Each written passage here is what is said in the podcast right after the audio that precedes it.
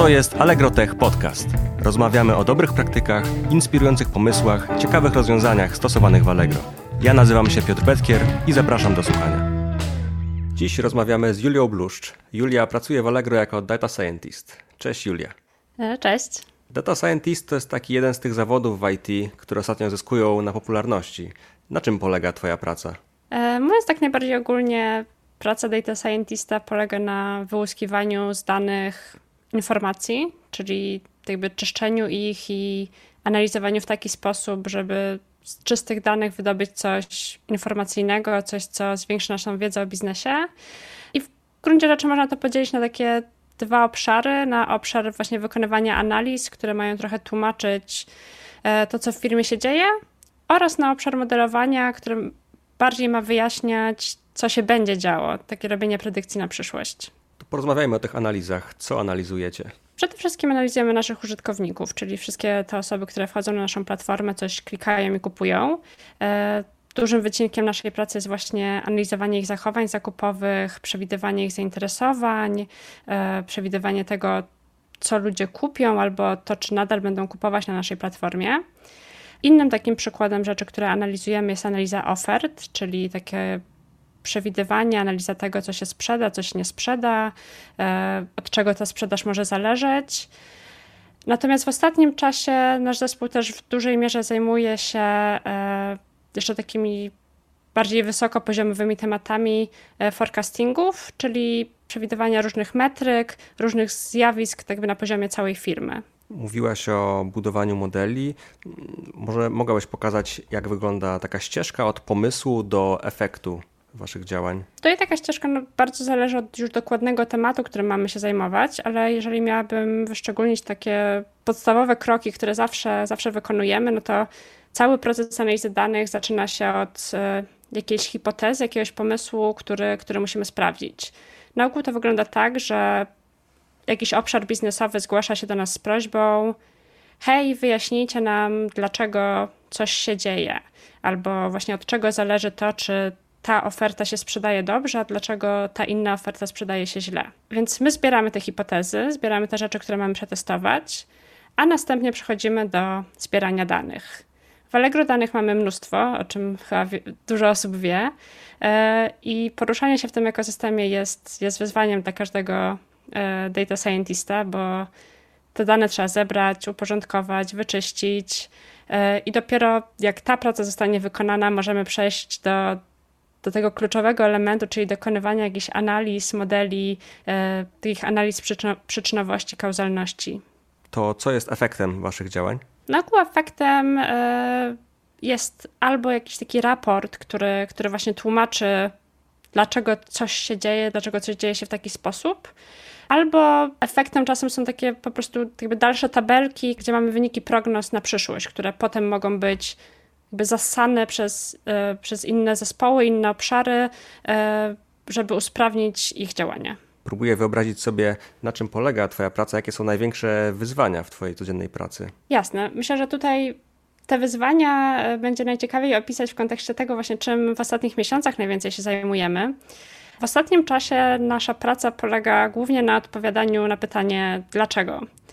E, to pytanie odnosi się do różnych zjawisk, które, które w naszej firmie występują. Na przykład musimy odpowiedzieć na pytanie, dlaczego liczba wizyt w ostatnim miesiącu wzrosła. No i żeby sobie odpowiedzieć na to pytanie, e, często musimy jeszcze zrobić krok wstecz i odpowiedzieć sobie najpierw na pytanie, no a co by było gdyby. To, co my obserwujemy, to jest to, co się dzieje pod wpływem różnych warunków. E, na przykład no, ten rok jest dosyć szczególny. Widzimy to, co się dzieje w efekcie tego, że właśnie jest ta pandemia, e, robimy różne akcje promocyjne, mm, są różne trendy, które występują globalnie. I żeby sobie oszacować efekty różnych rzeczy, jakby różnych akcji, które my podejmujemy jako firma, musimy być najpierw w stanie oszacować, co by się wydarzyło, gdyby te akcje nie miały miejsca. Musimy jakby dokonać e, takiej estymacji czysto hipotetycznego scenariusza, e, żeby móc oszacować te efekty kauzalne różnych akcji promocyjnych, akcji, które my jako firma podejmujemy, żeby zintensyfikować ruch na naszej platformie i zachęcić użytkowników e, do kupowania na Allegro. W świecie danych, statystyki często mówi się, że korelacja nie oznacza kozacji, jeżeli można tak powiedzieć z angielska. O co tu chodzi i jak, jak z tym walczymy w Allegro? Tak, dokładnie. E, to jest złota zasada statystyki. E, problem tutaj polega na tym, że właśnie, tak jak mówiłam, nasza praca polega na odpowiadaniu na pytanie dlaczego. Natomiast taka klasyczna statystyka, klasyczna matematyka nie posiada narzędzi, które na to pytanie pozwalają nam odpowiedzieć. Jakby w matematyce nie mamy magicznego operatora, magicznej funkcji, która pozwoli nam tak zupełnie obiektywnie obliczyć, co się przyczyniło do tego, że liczba wizyt nam urosła. E, to, co możemy obliczyć, to jest korelacje między różnymi metrykami i różnymi zdarzeniami. Ale tak naprawdę to, co korelacja nam mówi, to tylko to, czy metryka A rośnie wtedy, kiedy rośnie nam metryka B. Ale ona nie mówi nic o kierunku wpływu między tymi dwoma zdarzeniami, dwoma metrykami, które analizujemy. Równie dobrze metryka A może wpływać na metrykę B, jak i na odwrót. I to jest coś, co z takiego matematycznego punktu widzenia jest dla nas zupełnie transparentne, nieobserwowalne.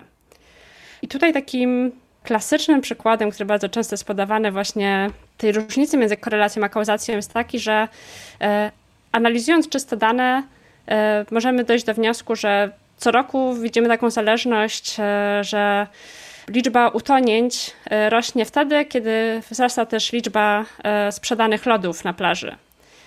No i tutaj, gdyby nie było różnicy między tą korelacją a kauzacją, można by było dojść do wniosku, że im większa sprzedaż lodów, tym więcej utonięć, że to jest jakaś przyczynowość, co oczywiście no tutaj ten przykład jest prosty. Wiadomo, że przyczyną, która powoduje wzrost obu metryk jest po prostu wzrost temperatur. Jednak kiedy mówimy o jakichś metrykach i różnych takich fenomenach, które obserwujemy w firmie, to wykrywanie tych absurdów i takich nieoczywistych e, efektów przyczynowo-skutkowych już takie banalne nie jest to jak, jak to rozwiązujecie? Skąd wiecie? Co można wywnioskować z dwóch metryk?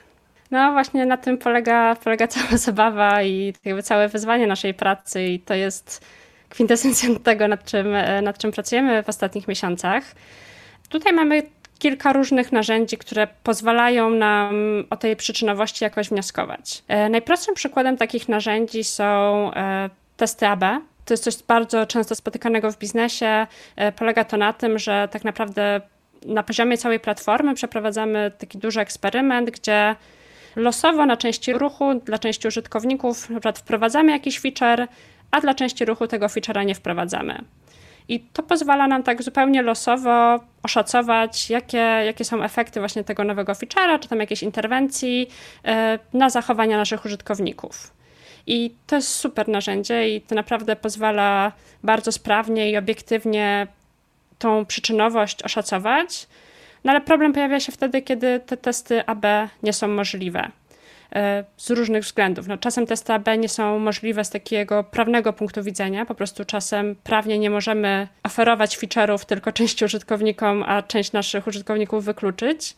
E, czasem z kolei przeprowadzanie testów AB jest niemożliwe, no bo nie możemy przeprowadzić testu AB na pandemii na przykład. Nie możemy sobie zobaczyć, co by było, gdyby część naszych użytkowników w 2020 roku nie była pod wpływem, pod wpływem COVID-u. Tak, więc to jest taka najprostsza sytuacja i to, to nam bardzo upraszcza życie, jeżeli takie eksperymenty przeprowadzić możemy. Idąc dalej, e, takimi innymi, e, innymi analizami, które te efekty pozwalają nam szacować, jest taka analiza po angielsku nazywa się treatment effects analysis, czyli taka analiza efektów różnych interwencji. I ona może przebiegać na wiele różnych sposobów. Tutaj nie będę wchodziła w jakieś tam duże szczegóły, ale tak mówiąc najbardziej ogólnie, ona polega na tym, że właśnie obserwujemy bardzo dużą liczbę użytkowników albo na przykład bardzo dużą liczbę ofert i widzimy, że na przykład na części ofert, teraz załóżmy, że to, co chcemy przeanalizować, to jest efekt promowania oferty na jej sprzedaż. To yy, jak sprzedawca włącza e, opcję promowania na platformie, jak bardzo mm, to wpływa na to, czy ta oferta będzie się sprzedawać. I żeby móc to obiektywnie ocenić, musimy przeanalizować kilka tysięcy ofert, dla których dla części to promowanie jest włączone, a dla których to promowanie nie jest włączone. I przy pomocy takich różnych narzędzi możemy tak w miarę obiektywnie ocenić, jaki jest ten efekt dodany. I można by było sądzić, że ok, no to tutaj byłoby jakby najprostszym rozwiązaniem byłoby policzenie po prostu średniej sprzedaży na ofertach promowanych, na ofertach niepromowanych i policzenie różnicy. No ale sytuacja taka prosta nie jest, no bo e, taka analiza zakładałaby, że jakby te same oferty są promowane. E, natomiast no, tutaj możemy iść krok dalej, jednak wyjść z założenia, że no, sprzedawca nie promuje losowych ofert, tylko promuje to, co uważa za najlepsze, najbardziej tak, oferty, które opłaca mu się promować, tak? Czyli coś, co albo jest korzystne cenowo, albo z, jak, z jakichś względów sprzedawca uznał, że e, to promowanie na tej ofercie się opłaci.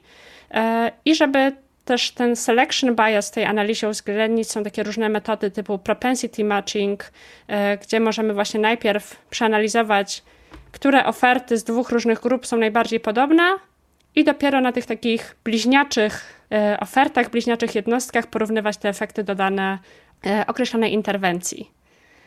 Więc tutaj właśnie ta sytuacja robi się coraz, coraz bardziej skomplikowana. Mówiłaś o przykładach, gdzie można porównać ze sobą dwie oferty, jakieś dwie, dwa warianty platformy. No a jak radzić sobie sytuacją, kiedy no, nie możemy porównać drugiego Allegro, które nie zostało dotknięte COVID-em? Tak, to jest właśnie największe wyzwanie naszej pracy i największe wyzwanie, jeżeli chodzi o całą analizę przyczynowości, kauzalności.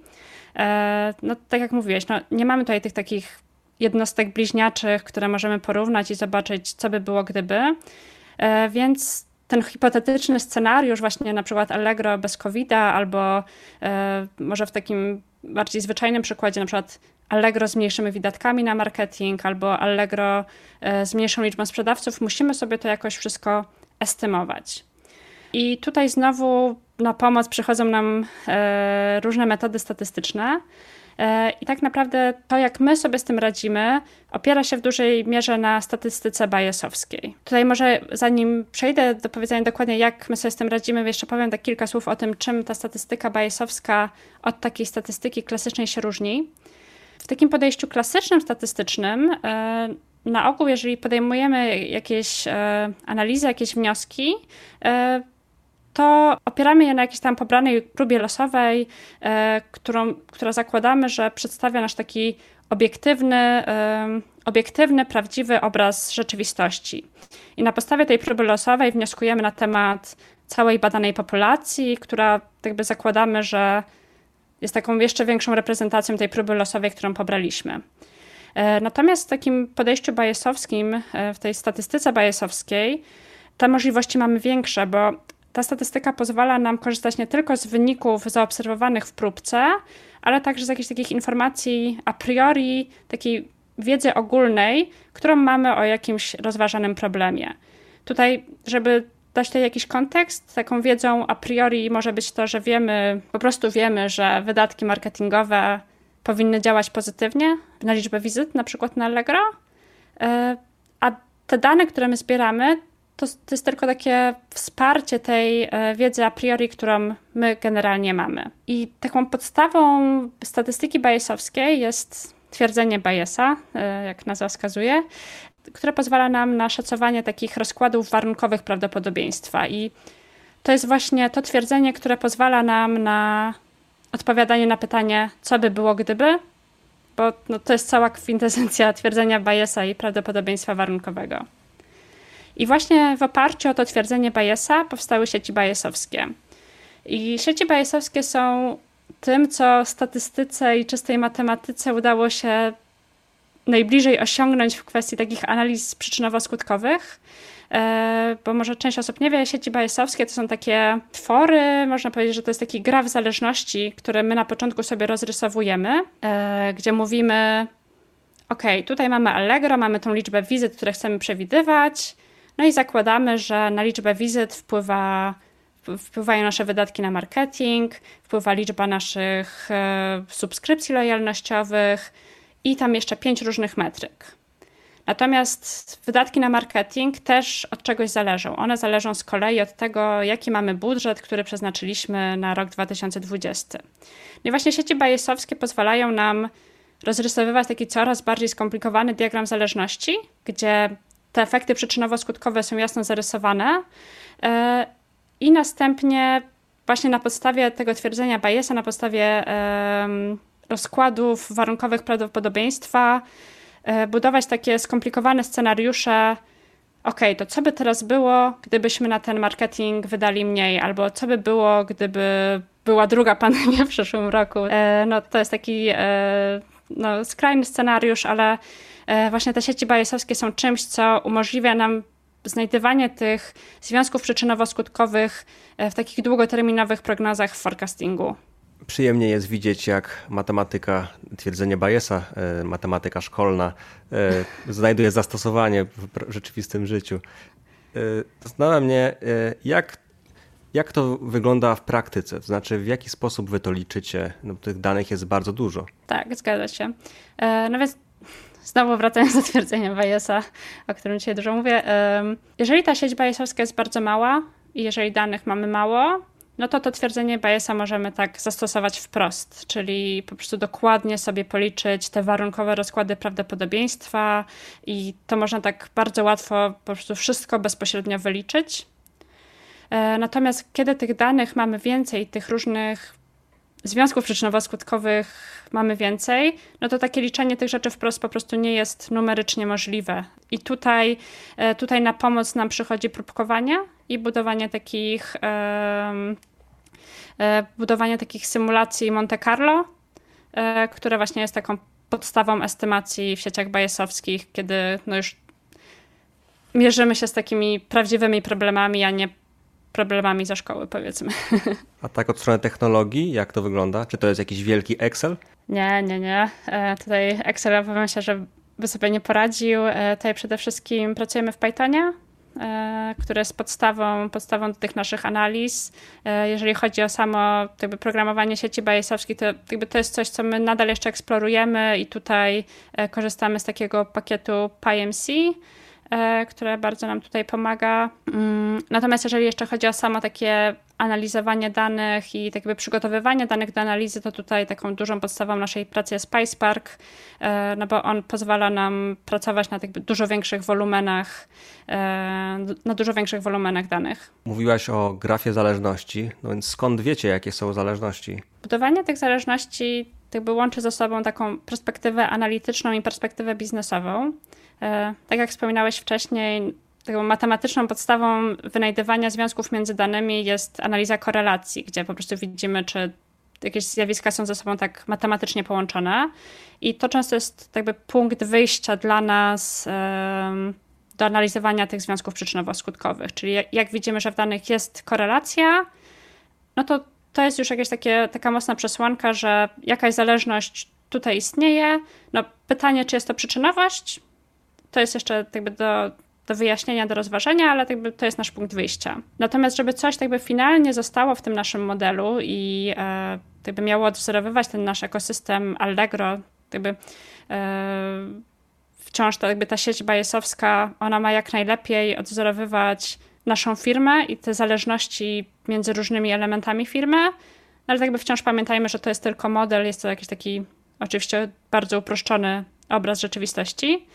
I tutaj ogromną pomocą przy budowaniu tej sieci, budowaniu modelu jest, są oczywiście inne obszary w ramach naszej firmy.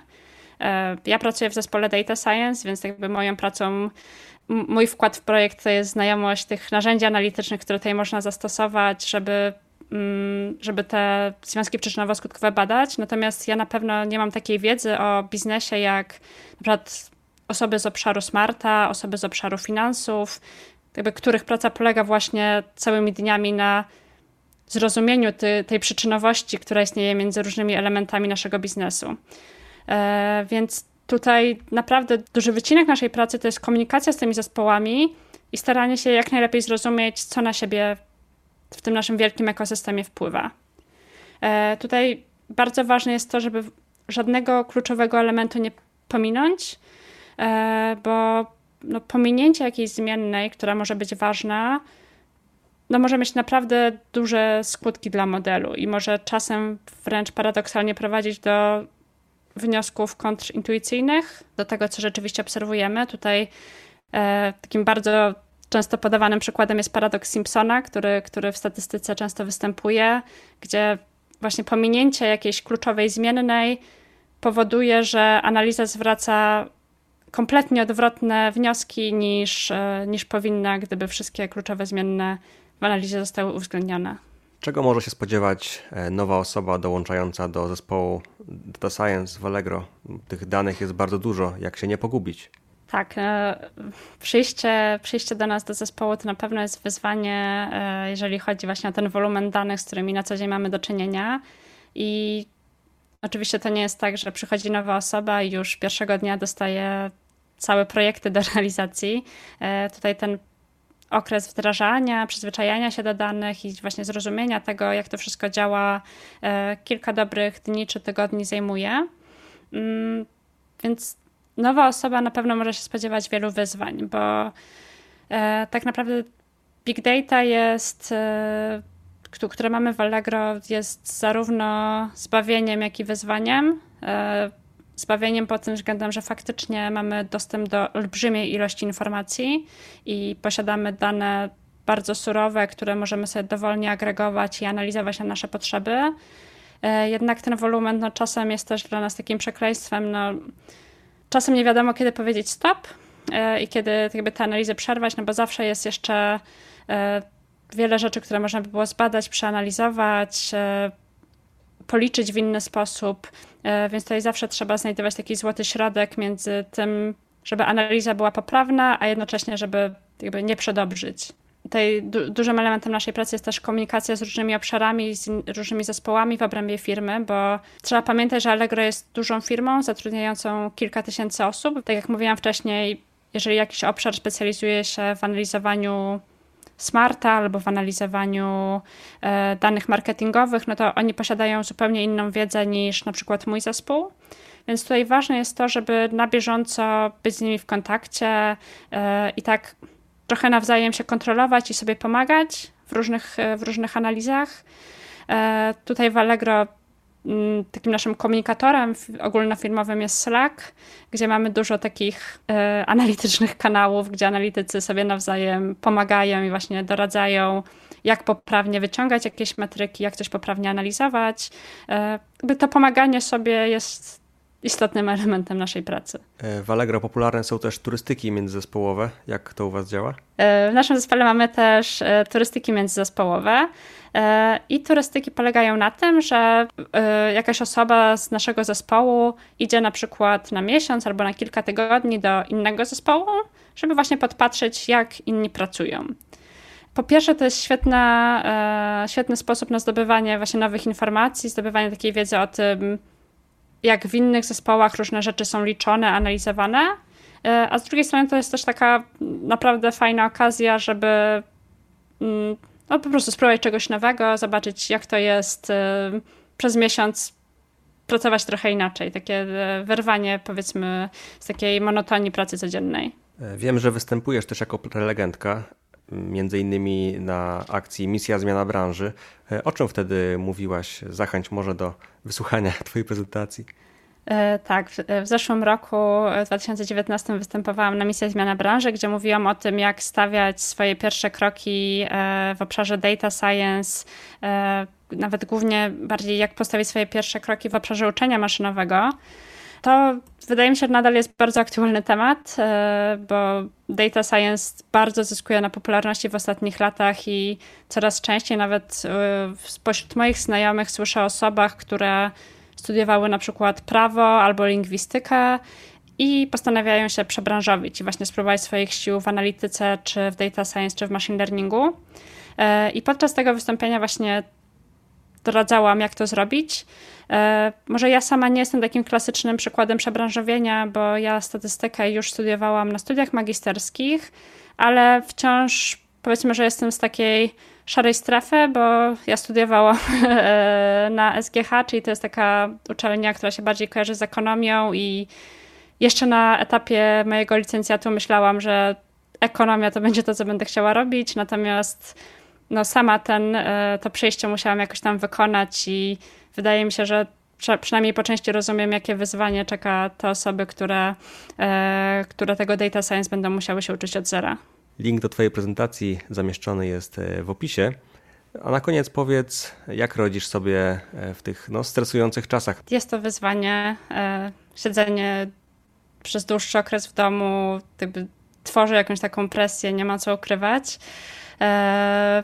Moim sposobem na radzenie sobie z takim codziennym stresem w pracy jest. E, mam dwa sposoby na radzenie sobie ze stresem, takim w pracy codziennej. E, pierwsze z nich to to, żeby jednak zmuszać siebie do wyjścia z domu i e, zachowania takiego aktywnego trybu życia. Ostatnio znowu zaczęłam intensywnie grać w tenisa. Tutaj to, co ciekawe, właśnie z moją koleżanką z zespołu, więc no mamy nasz allegrowy tenisowy team.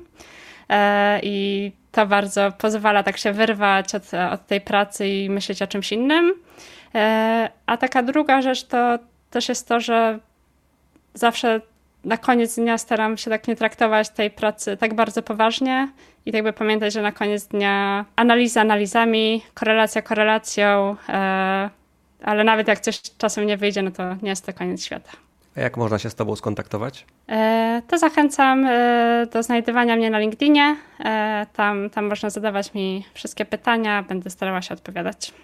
Często w Allegro mówimy, że kierujemy się danymi, że podejmujemy decyzje na podstawie danych. Super było usłyszeć, skąd te dane i skąd te decyzje e, się biorą.